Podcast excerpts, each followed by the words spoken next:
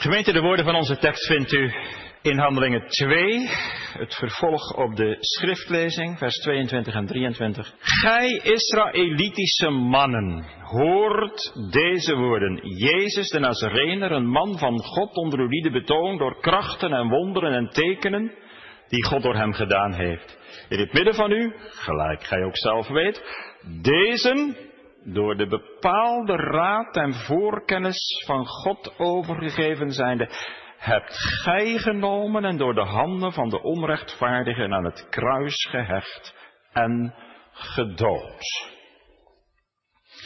Pinksteren in Jeruzalem, maar u ziet, het gaat over Jezus, die staat in het middelpunt. We letten op de man van God, op de dood van de Messias en het evangelie van Pinksteren. En dat laatste zit natuurlijk door alles heen verweven. Pinksteren in Jeruzalem, de man van God, de dood van de Messias en het evangelie van Pinksteren. Jongens en meisjes, wat fijn dat jullie er weer zijn in de kerk. Het is feest vandaag, Pinksterfeest. En dat mogen we vieren. Alle andere dingen loslaten van school en van alles wat je doet. En vandaag letten op de boodschap van de Heere over de Heilige Geest. Maar wat is dan eigenlijk gebeurd op het Pinksterfeest? Kijk, als ik vraag wat is er op het kerstfeest gebeurd, dan zeggen jullie, jullie allemaal de Heer Jezus is geboren. Precies. Maar wat is er nou gebeurd op het Pinksterfeest? Ja, er kwamen vuurvlammetjes op de hoofden van de apostelen. Maar hun haar verschroeide niet. Alsof, staat er, was het. Ze zagen het wel, maar het brandde niet echt. En er was een geluid van een grote stormwind in het huis waar de discipelen zaten. Maar de deuren gingen niet klapperen. Als van wind. En ze begonnen in vreemde talen te spreken. De talen van die parters en die elamieten, tongentaal, maar wel een echte taal die ze niet geleerd hadden. Maar wat zat er nu allemaal achter? Wat, wat bedoelde God daarmee? Daar zit achter dat God door middel van deze bijzondere dingen, deze tekenen, deze gebeurtenissen, wilde vertellen dat de Heilige Geest gekomen is, dat de belofte van de Vader vervuld is, en wat de Geest gaat doen, hoe die werkt, wat er gaat gebeuren vanaf Pinksteren tot aan de wederkomst. Want de Heilige Geest is gewoon niet te zien. Maar het werk van de Heilige Geest is wel heel erg belangrijk. En daarom gebruikt de Bijbel zoveel tekeningetjes, beelden, om het werk van de Heilige Geest uit te leggen. Wie de Heilige Geest is en wat voor werk die doet. Water is bijvoorbeeld een beeld van de Heilige Geest. Met dat warme weer, als je flink gelopen hebt en gezweet, dan heb je dorst. En dan is het heerlijk om dat verfrissende water te drinken. Je dorstlessen, zodat je helemaal verfrist wordt. En je leven in bloei komt te staan. Olie is ook een beeld van de Heilige Geest. Denk maar aan de zevenarmige kandelaar in het Heilige. Die olie, die brandde, zat een lontje in en dat gaf licht. Dus het heeft toch wel met het werk van de Heilige Geest te maken dat, dat er licht komt over alles. En dan die krachtige wind, zo sterk, ja, het geluid als van. En zo krachtig dat er bomen door ontworteld zouden raken. En vuur, dat brandt en alles in vuur en vlam zet voor God en voor zijn, voor zijn dienst onder de naaste. En dat die vlammen vurige tongen zijn, dat zie je wel in de open haard. Hè? Als die brandt, ja, zwinters, dan zie je de, vorm van een, van een tong. En die tongen die wijzen natuurlijk op de verschillende talen die de discipelen gingen spreken. En die nodig zijn om in heel de wereld het evangelie te brengen.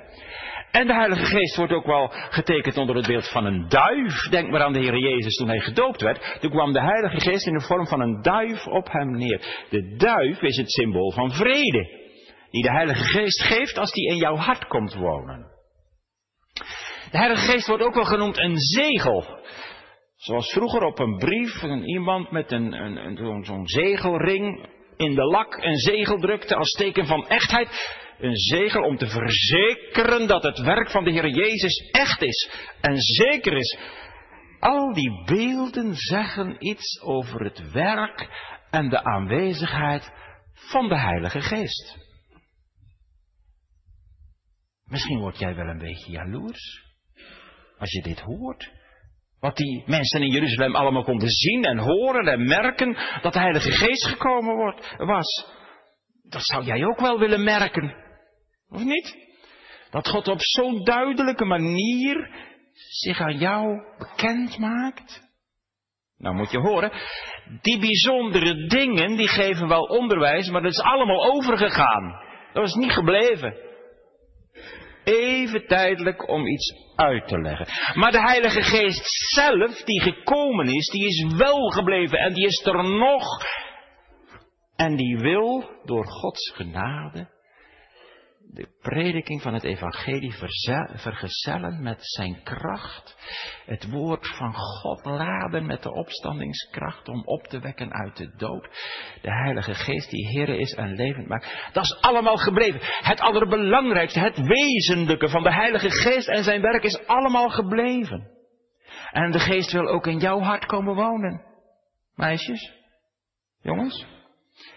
En jouw leven, zo jong als je bent, in vuur en vlam zetten voor de dienst van de Heer. Luister maar mee hoe het verder gaat. Even een aanloopje vanuit het eerste vers naar onze tekst. We gaan in gedachten naar het Pinksterfeest in Jeruzalem, waar de Heilige Geest is uitgestort 2000 jaar terug in de geschiedenis. En als de dag van het Pinksterfeest vervuld werd, nog heel vroeg in de morgen, nog voor negen uur, een grote mensenmenigte is samengekomen op deze dag, waarschijnlijk op het Tempelplein in Jeruzalem, die nog een band heeft met Israël en de godsdienst van Israël, die gaat naar Jeruzalem om in de tempel de Here onder het brengen van offers te loven en te danken. Er waren drie grote feesten in Israël. Paasfeest, Pinksterfeest, Loofhuttenfeest. Van heinde en ver waren ze gekomen. Wat een leiding van God. Zoveel mensen bij elkaar.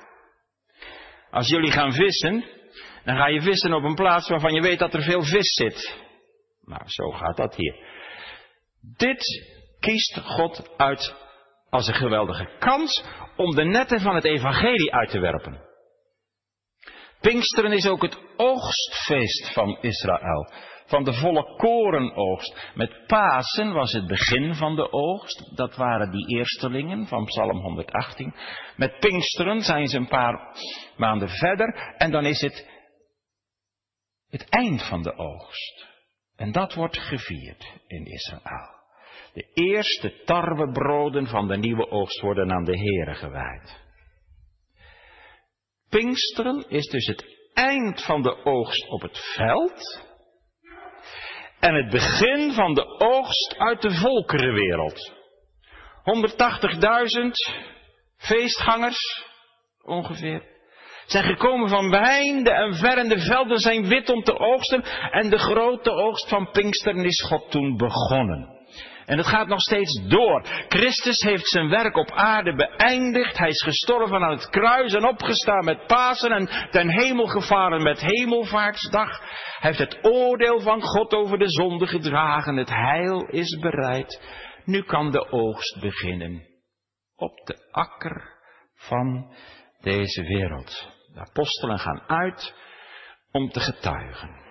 De geest gaat in dit laatste der dagen de wereld in om de bruid voor de bruidegom Christus te werven. Maar wie is nu de Heilige Geest? Ja, we zijn weer terug bij de eerste vraag. Kun je de geest zien? Nee, de geest is onzichtbaar. De Heer Jezus kun je zien, maar de Heilige Geest niet. En hoe weten we dan of het de Heilige Geest is?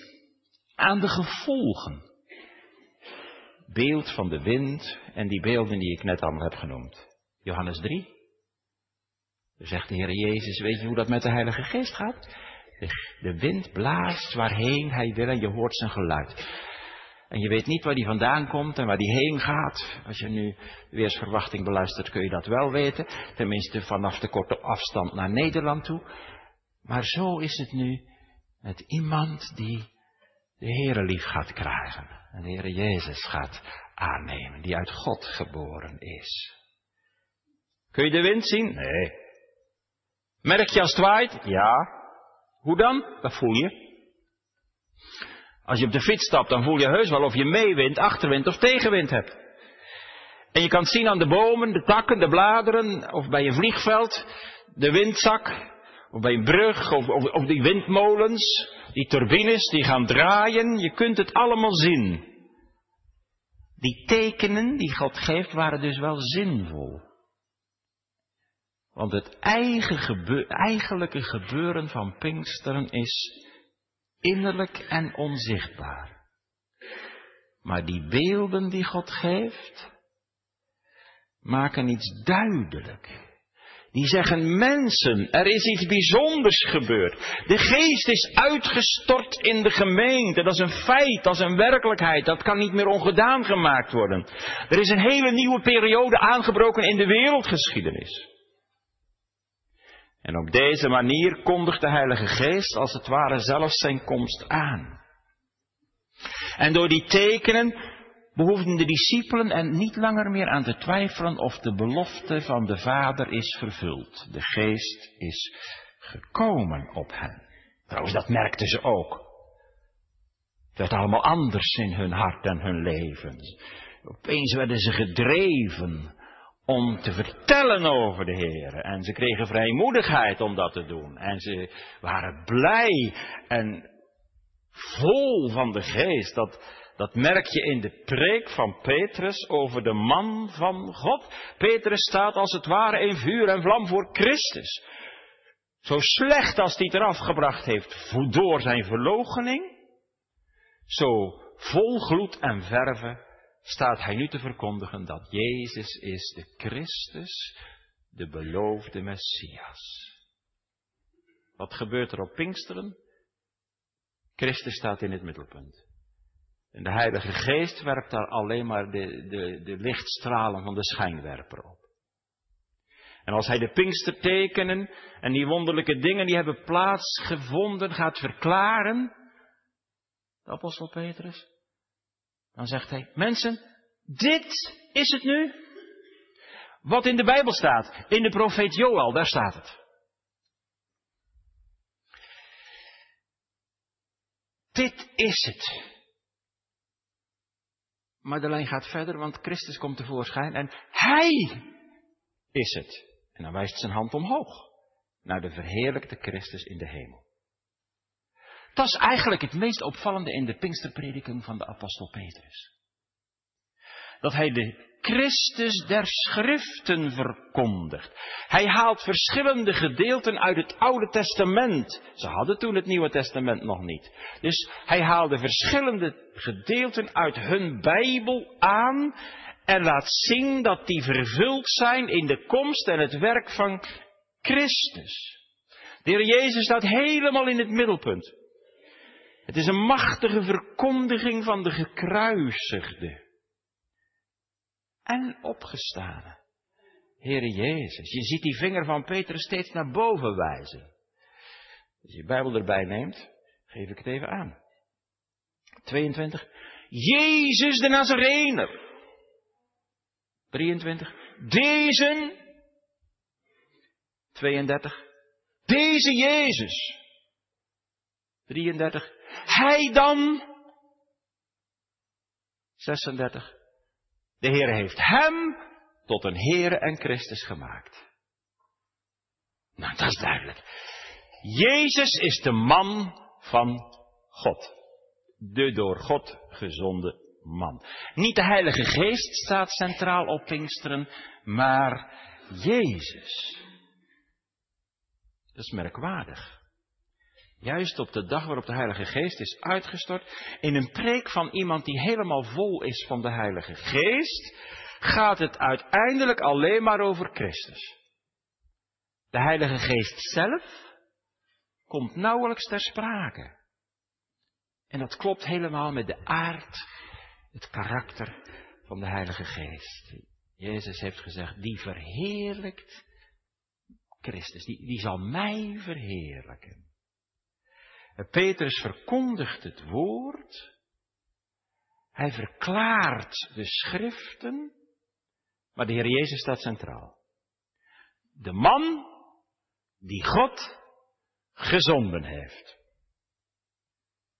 Mooie. Wat een prachtige, eenvoudige, iedereen kon het volgen, Christusverkondiging. Ook heel persoonlijk. Want het wordt de hoorders wel duidelijk dat het over hen gaat ook. Mensen, het gaat om jullie, om uw zaak. U kunt en mag hier niet vrijblijvend onderzitten. Het woord is een woord van hart tot hart gesproken in bewogenheid, met ernst en met liefde. Je voelt het hart van Petrus branden. En er komt toch de Heilige Geest in mee? In de rechte verkondiging van het evangelie. En die rechte verkondiging kan toch alleen maar de Heilige Geest geven. Dat maken wij niet, daar moet u voor bidden en ik ook. En zo'n woord, persoonlijk, appellerend, vanuit de rijkdom van Gods genade en de liefde van Christus. Zo'n woord treft doel. Dat blijkt wel uit het vervolg wat er gebeurt op de Pinksterdag. De grote vraag in de preek van Petrus is eigenlijk, hoe staat u tegenover Jezus Christus? Hoe sta jij tegenover de Heer Jezus? Wat is je verhouding met Hem? Dat is een vraag, u hoeft niet hardop te antwoorden. Zou mooi zijn hoor. Dat deden we op Papo altijd. Viel is ook niet in slaap, want ja, je kon ineens de beurt krijgen. Maar wat is uw verhouding tot Christus? En jij? Wie is Jezus voor jou? Daar moeten we ons persoonlijk toch rekenschap van geven. We zijn allemaal op weg naar het eindpunt, naar het doel. Petrus die zegt steeds in zijn preek, gij, gij, je ziet die vinger gaan. Gij, u, ieder persoonlijk. Wie is Jezus voor u? Hebt u een band met hem? Of is het alleen maar een naam? Dat je zegt, oh ja, die is de zaligmaker. en verder niks. We zien Petrus op het tempelplein staan. Hij staat in de kracht van de geest en heel die menigte mensen om hem heen. Is het mogelijk, hè? Goede Vrijdag liepen ze weg. Met Pasen zaten ze angstig achter gesloten deuren. En hier op Pinkster staan ze vol en vrij en bewogen en gedreven. Tussen heel die grote menigte Joden en Jodengenoten die zijn samengekomen. Wat een wonder. Er zijn ook zulke wonderlijke dingen gebeurd. Er is gespot met het heilige. Maar Petrus scheldt niet terug. Dat is niet de manier om te reageren. Tegenover dat gemene wapen van de spot hanteert Petrus een wapen dat veel machtiger is. En waarmee hij zijn vijanden niet vernietigt. Maar inwint. Overwint. En dat wapen is de Bijbel, het woord, de schrift, het Oude Testament. Maar Petrus, staande met de elfen, verhief zijn stem. Petrus gaat staan. De anderen staan bij hem, om hem heen. Ze steunen hem. Hij spreekt ook namens de elf apostelen, die anderen. Ze staan samen voor die ene boodschap, die ene verkondiging, die apostolische prediking, zoals wij dat noemen. Gedreven door de geest en vanuit het profetische woord. En dat is een wezenlijk element in de predikinggemeente woordbediening. Vol majesteit en kracht en macht. Dat was toen zo, maar dat is nog zo. In de prediking komt de levende God tot ons. Beseffen we dat? In zijn woord. En wij worden aangesproken in de concrete situatie van ons leven. En dan kom je onder de majesteit van het woord. Dan doet het je iets, dan raakt het je. Hoe komt dat? God heeft je ertoe voorbereid. De situatie is precies dat het woord dat gesproken wordt past in de situatie en het klikt, om het nou eens modern te zeggen, maar dat is de Heilige Geest. Dat doe ik niet, dat doet u ook niet. We vragen daarom. En de Geest wil het doen, niet automatisch. Dat is een wonder. Altijd moeten we daar weer om bidden. En als de geest meekomt in het woord, dan gebeurt er ook echt iets. Dan kom je in de tegenwoordigheid van God. Dat ervaar je gewoon. Dat gaat dwars door je heen. Wie iets van God gezien heeft, echt van God gezien, die wordt een ander mens. De geest werkt het geloof. Dat zie je gebeuren in de prediking van Petrus. De Heer Jezus heeft tegen zijn discipelen gezegd, wie u hoort, die hoort mij. Daar zit Christus achter. Achter dat woord van zijn dienaren. En zo mag u met verwachting naar de kerk komen. Om hier God te ontmoeten. En hem te horen spreken. Wat een machtig instrument is toch de prediking in de handen van de Heilige Geest. Echt, daar gaan wonderen gebeuren. Net als onder die preek van Petrus gebeurt. Doden worden levend en de levenden, Gods kinderen, worden getroost, bemoedigd, versterkt, de weg gewezen. Vrome mensen worden in de schuld gezet. Wat heb ik gedaan? En schuldige mensen worden vrijgesproken. Daar gaan we samen van zingen. Uit Psalm 32, de versen 3 en 6. We zien Petrus staan in de kracht van de Heilige Geest, onbevreesd, getuigt hij van Christus, voor die nieuwsgierige menigte die voor hem staat. En zijn prediking liegt er niet om. Want hij stelt de Joden in staat van beschuldiging. Dat is een heel belangrijk facet in de prediking. Ze worden aangeklaagd als verwerpers van de Messias. En daarmee hebben ze hun eigen zaligheid verworpen. Dat had Petrus leven wel kunnen kosten. Maar hij is vol van de geest en wordt gedreven door de geest. En God heeft de touwtjes helemaal in handen. Niemand kan een vin verroeren tegen de apostelen zonder dat God dat toelaat. Het gaat immers om de glorie van zijn koning, maar ook om het heil van de mensen, het heil van de hoorders. En wat ons opvalt in deze Pinksterpreek, is dat Petrus iedere keer de Bijbel opendoet. De schriften spreken. Hij wijst op Gods trouw in de vervulling van de schriften. De profeet Joel wordt aangehaald.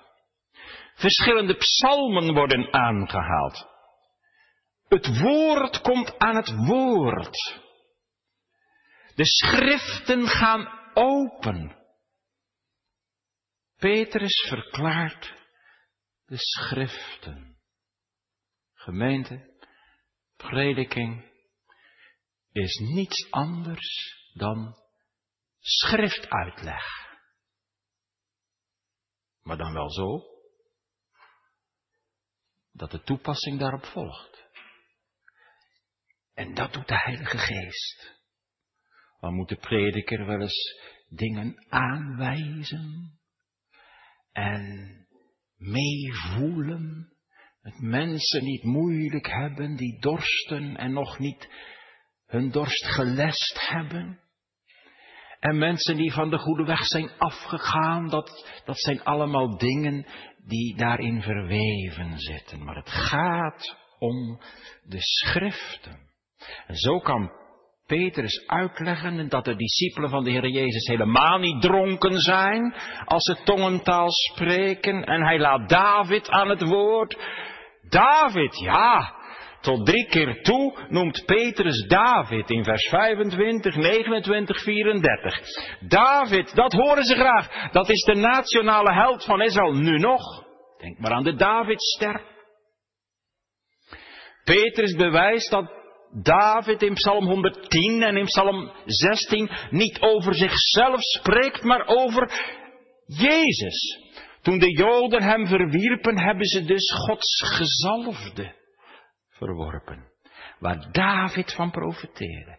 En ze hebben hem gedood. Vers 22 is zo duidelijk. Gij Israëlitische mannen, hoort deze woorden. Jezus de Nazarener, man van God, onder wie de betoond door krachten en wonderen en tekenen, die God door hem gedaan heeft in het midden van u, gelijk gij ook zelven weet. Niemand kan dat ontkennen. Petrus sluit zich in zijn verkondiging aan bij wat zijn volksgenoten over Jezus van Nazareth allemaal weten of kunnen weten. Dan spreek je niet over de hoofden heen. Niemand kan zeggen, ik weet niet waar je het over hebt. En dat is heel belangrijk. Want anders kan de boodschap niet landen. Jezus de Nazarener, een man van God. Ja, God stond achter hem. God heeft hem gezonden. God heeft hem gezalfd. God Natuurlijk weten ze dat. Jezus, Jezus, ja, dat, dat weten ze wel. Jezus was een fenomeen in die tijd. Die heel veel tegenspraak opriep. Niemand kon eraan voorbij gaan. Wat is er allemaal niet over hem te doen geweest? Iedereen weet dat.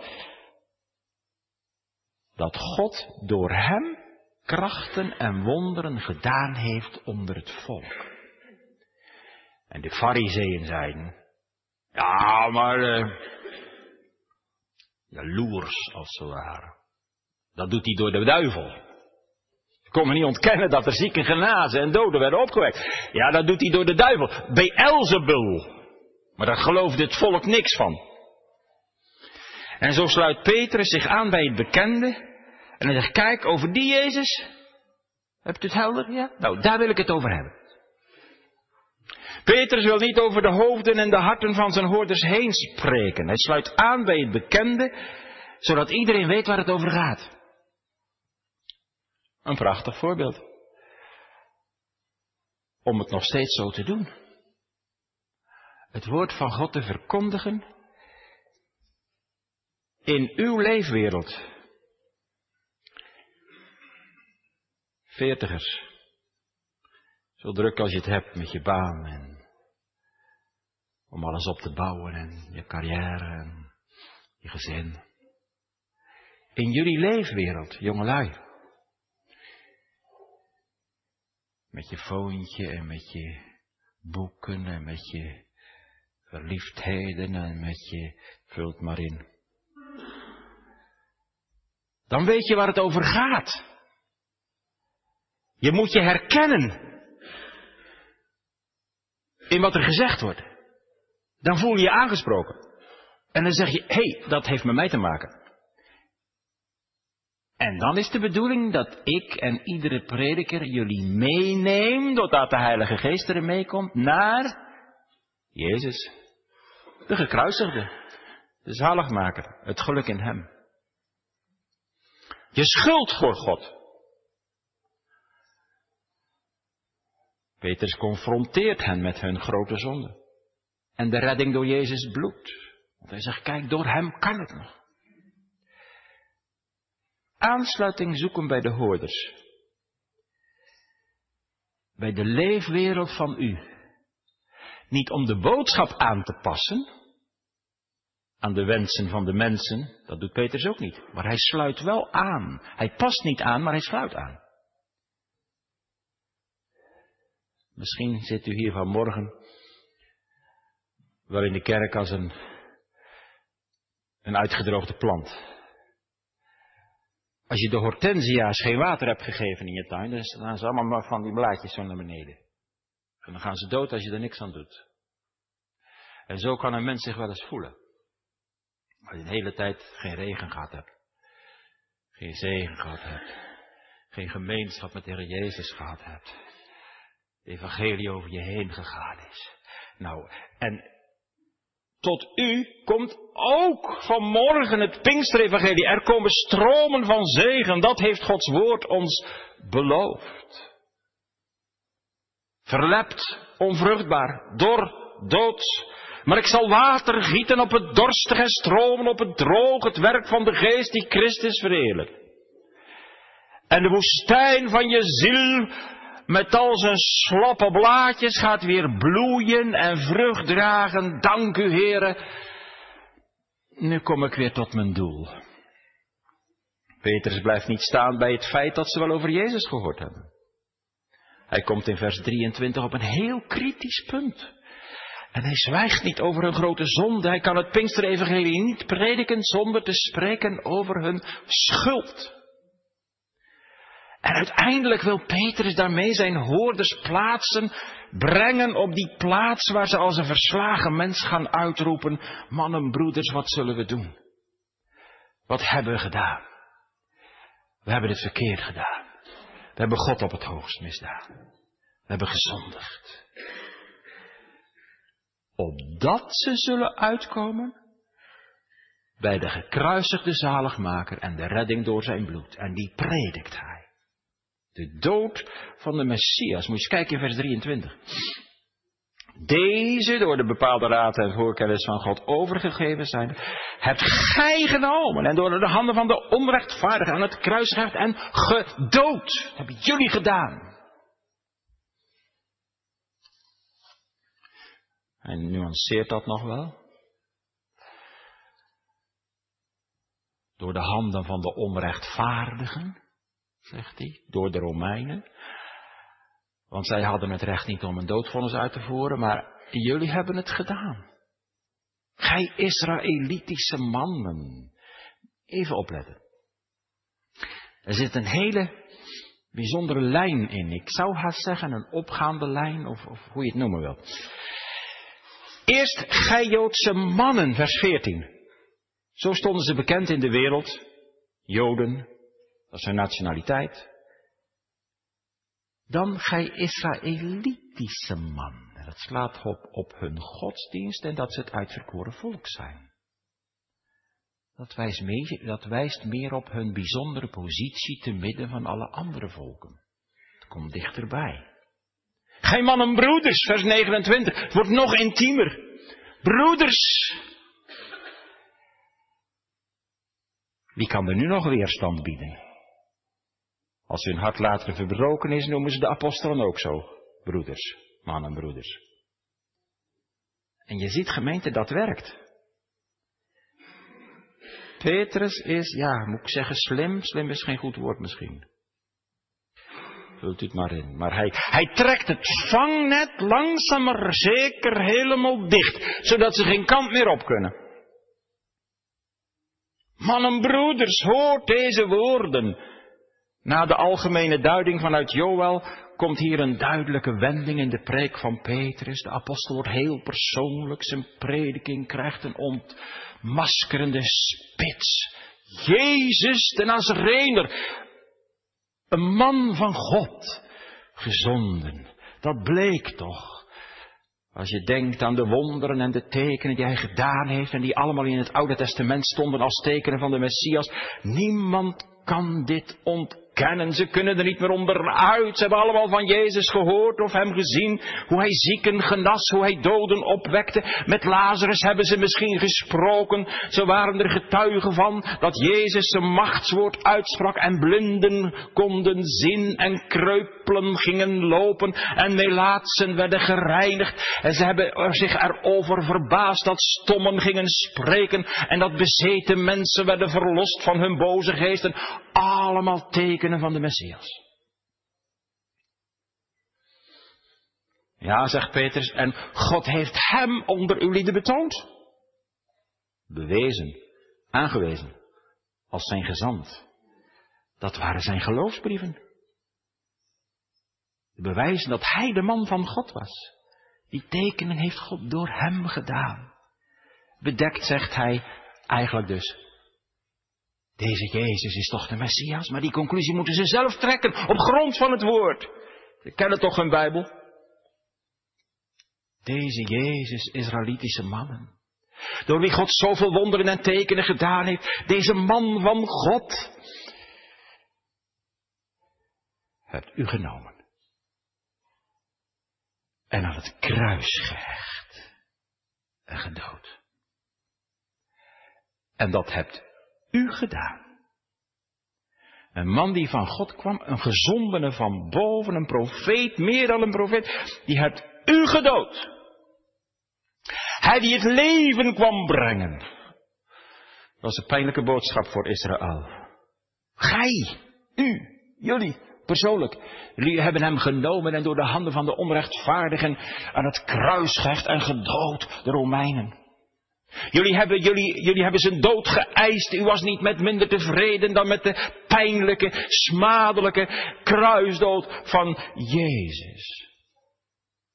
U bent moordenaars van de Messias.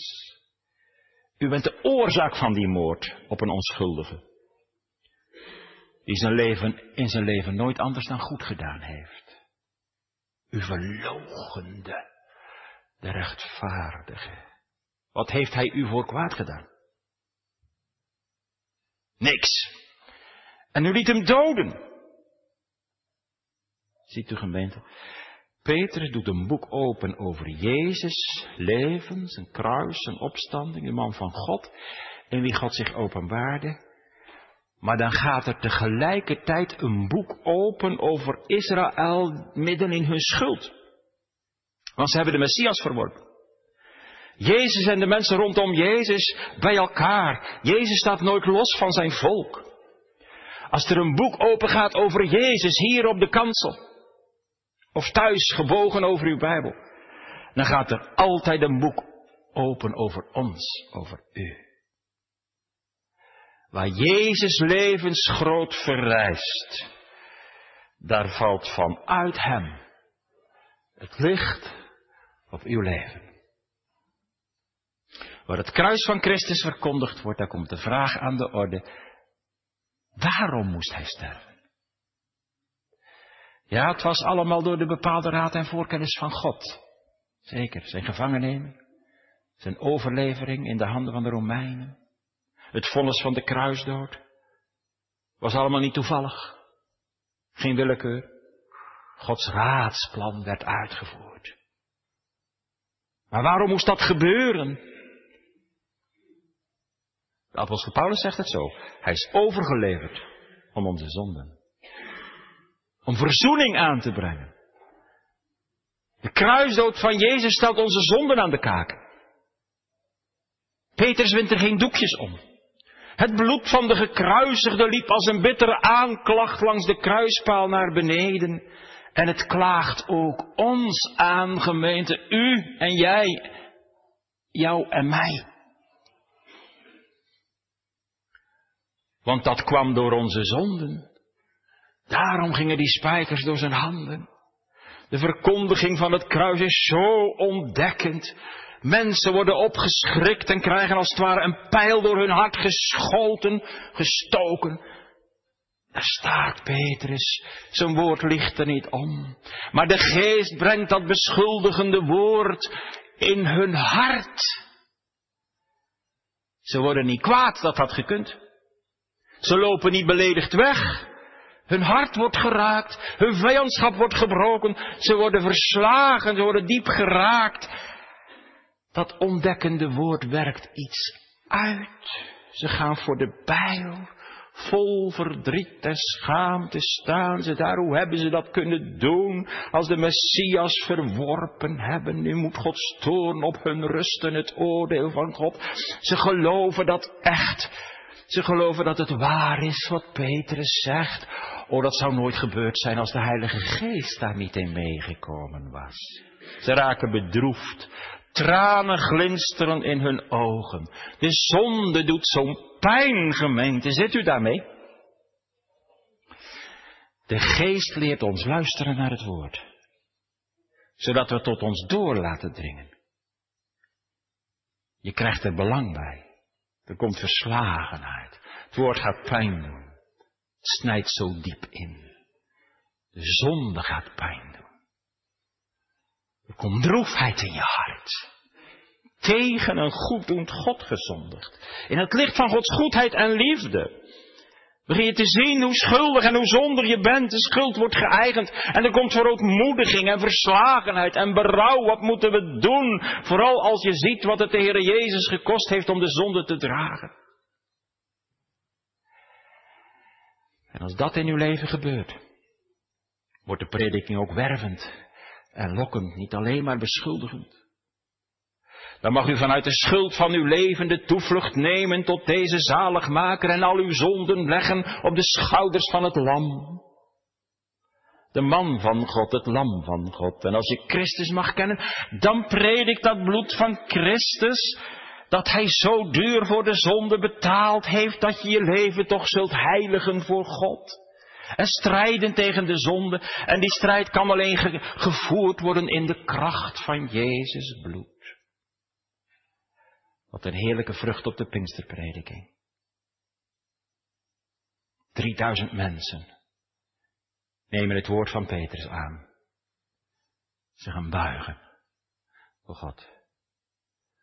Ze bekeren zich. Ze nemen Christus aan als hun zaligmaker en ze worden gedoopt. Toegedaan tot de gemeente. Een adembenemend verhaal, dat verhaal, die geschiedenis uit Handelingen 2. De adem van de geest waait daar doorheen. En lieve gemeente, die Pinkstergeest wil ook uw hart vervullen en uw leven stempelen. Verheerlijk God. Maak hem groot. Prijs hem in uw leven, uw daden en uw woorden. Leef uit hem, leef voor hem, leef door zijn kracht. Getuig van hem, wees dienstbaar in het koninkrijk. Offer uzelf in gevende liefde voor de verheerlijking van zijn naam. Dat is toch maar alles. Pinksteren is het oogstfeest. Dat geeft zoveel vreugde als je ziet dat God zijn werk zegent met vruchtbaarheid. Dat je anderen mag leiden tot Jezus. Strooi het zaad van het woord door uw getuigenis. Onderstreep het met uw levenswandel. In uw omgeving. Naar mensen in de gemeente. Maar ook onder hen die van Gods woord vervreemd zijn. En laat zo de Pinksterstroom uit Ezekiel 47, lees het dus na thuis, door de bedding van de gemeente stromen naar de dode zee van de volkerenwereld.